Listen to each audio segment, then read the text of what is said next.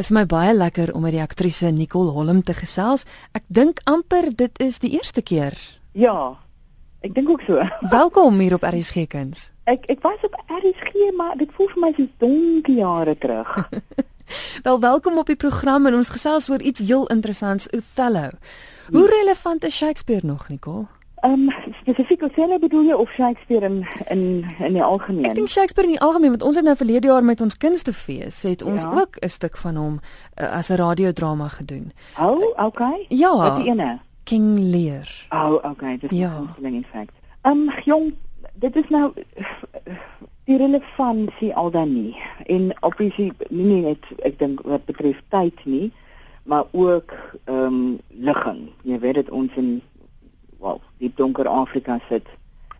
Ehm um, weet ek is 'n vraag wat baie gevra word. Ek het nie ek het letterlik nou eers al 'n paar dae gelede daaraan begin dink met die dat ons nou begin onderhoude doen en dit die gewoonlik eerste vraag is wat wat mense vra. Mm. So dis dis is dis 'n baie meer relevante vraag as wat as wat ek ehm um, gedink het.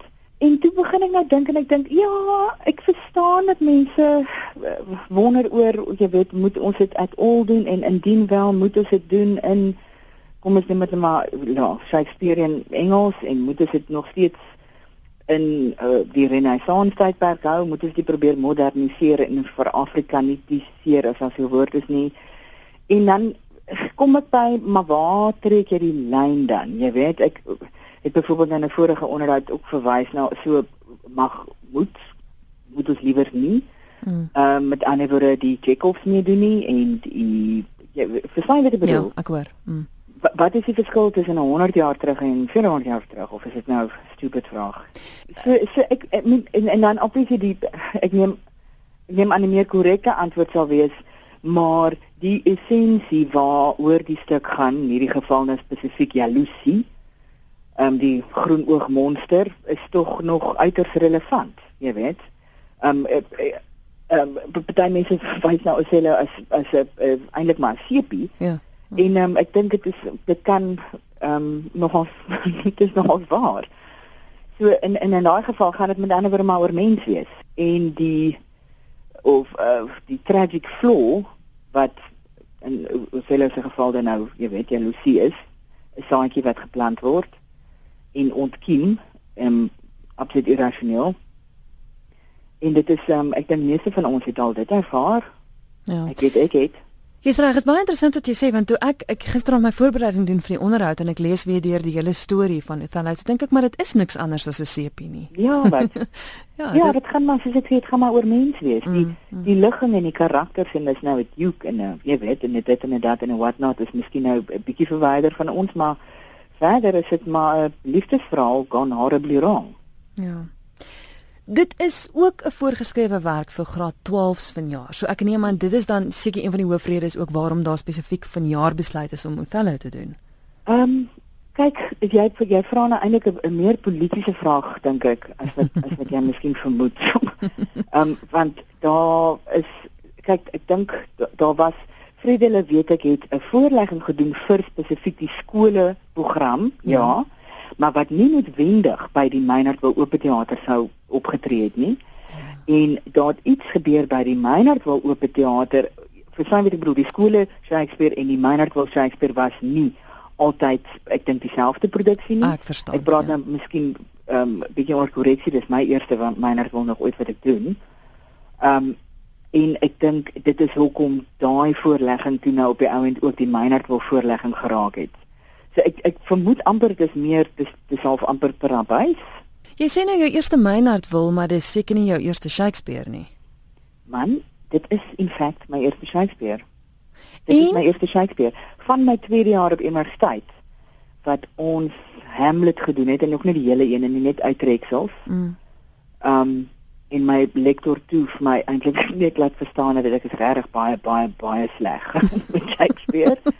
en het ek um uh, van ek klaar gestudeer het. Ek dink my eerste Manhattan audisie was seker hier um 1997 rond en ek het aanhou probeer, aanhou probeer, aanhou probeer hier in die um vroeg vroeg in die in die eeu het ek self begin spot al van ek sweer ek is nou die aktrise wat al die meeste audisies gedoen het sonder om nog een te kry. En toe daar nou kinders ingekom, het ek nou 'n paar jaar edisies gemis en hierdie ene was nou die eerste keer in 'n tydjie wat ek gegaan het my uit op ouderdom 40 kry ek nou my eerste mynout wil. nou kyk, ek het ook ek het ook laas Shakespeare gedoen toe ek geswat het. So ja. ek, ek kan ook nie meer lekker onthou nie, maar maar wat is die uitdagings? Dit is interessant dat jy dit sê want want ek het dieselfde vraag gevra 'n dag. Ek het vir mense gevra, is verbeel ek my of is Cello net 'n maklike Shakespeare? Menende, hoekom sukkel ek nie? My ervaring was ek het die vorige hele aantal paar jare was dit vir my ehm um, onverstaanbaar, die sinskonstruksies is anders. Ehm um, met ander woorde, jy sukkel om die essensie van wat gesê word oor te dra. En hierdie keer het ek dit as net baie en dit is asof die sin uitspring na my toe. O, dis wat jy gesê word. O, dis baie eenvoudig. Hmm.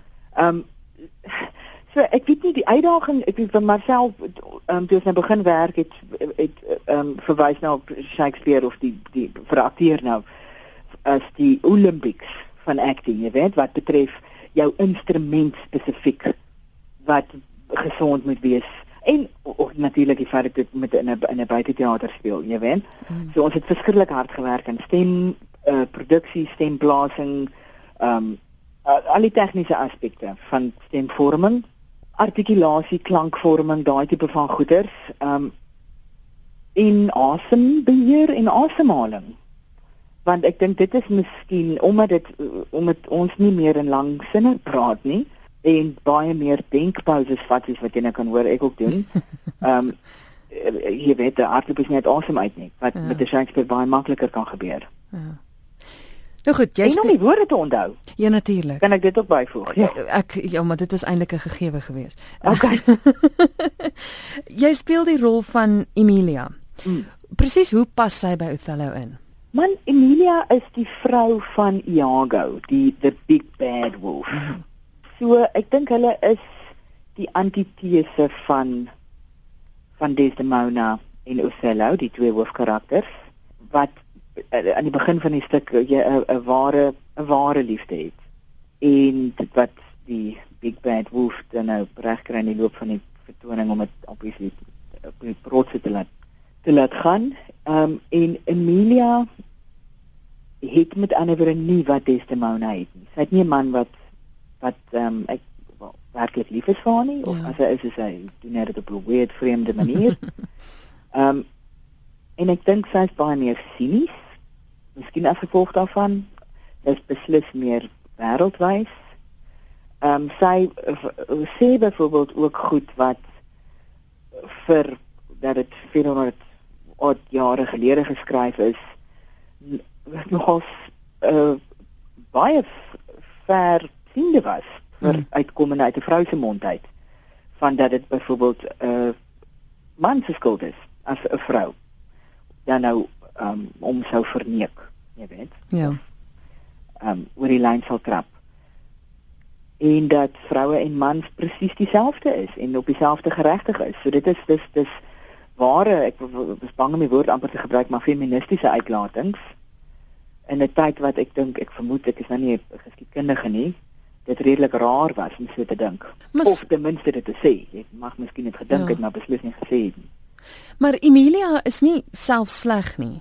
Dis net 'n man. Dit is of... interessant. Ek en Fred die regisseur het nou ander gesprek gehad oor nie ek of hy kan eintlik besluit nie.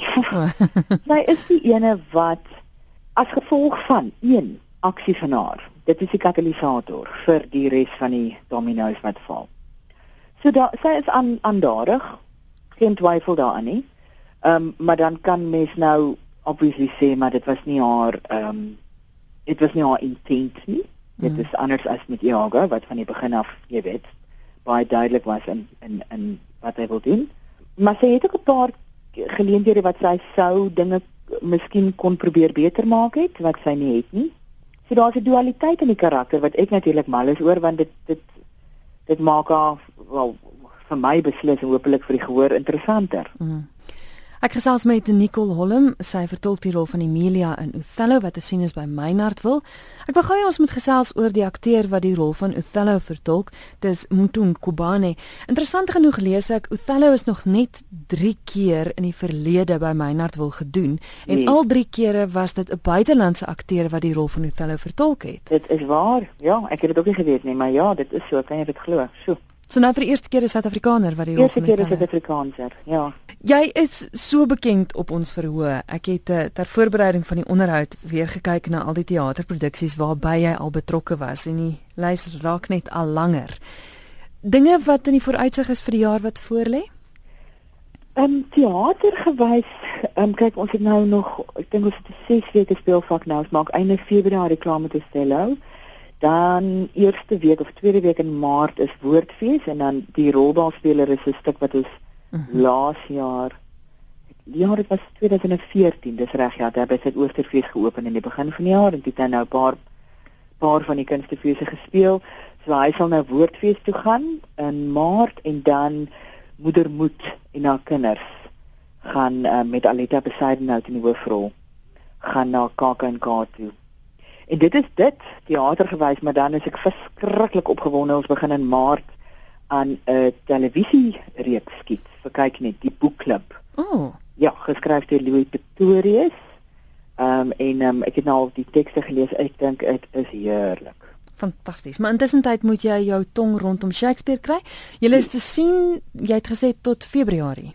Tot Februarie. Ja, ek dink dit is die 21ste, 22ste daar onder praat net weer onder korreksie. En na die aard van die saak is dit 'n produksie wat aan die aand te sien is. Dis in die aande en ek dink ons is net elke aand behalwe Sondae aande